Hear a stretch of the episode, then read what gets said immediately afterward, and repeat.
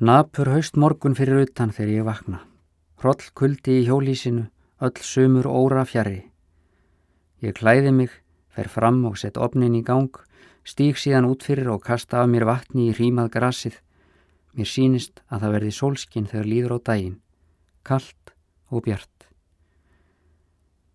Ég hitta kaffi og sötra það hægt í borðkróknum. Ef ekki lista á það borða strax, er alltekinn drunga sem ég veit ekki af hverju stafar. Sumar draumurinn er ljóslifandi í huganum. Ég get enþá fundið eilin innra af modlunni á skóarstígnum og hendi hennar í minni. Ég kveiki á útvarpinu.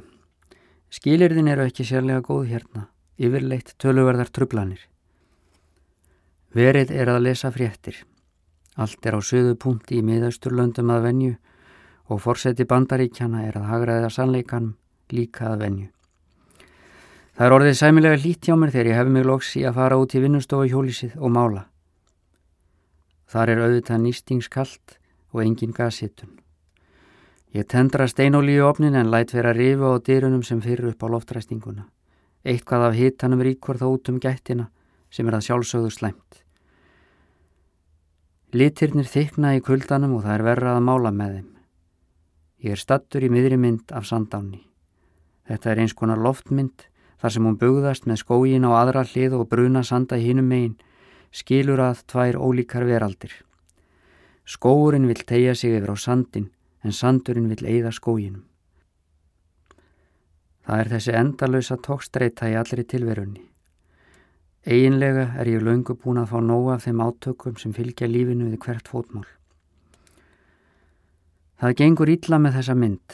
Hún er búin að vera lengi í vinslu. Allt í einu gerist eitthvað í mér.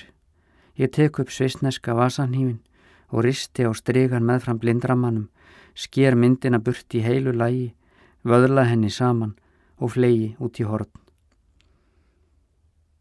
Blindraminn stendur eftir á trönunum.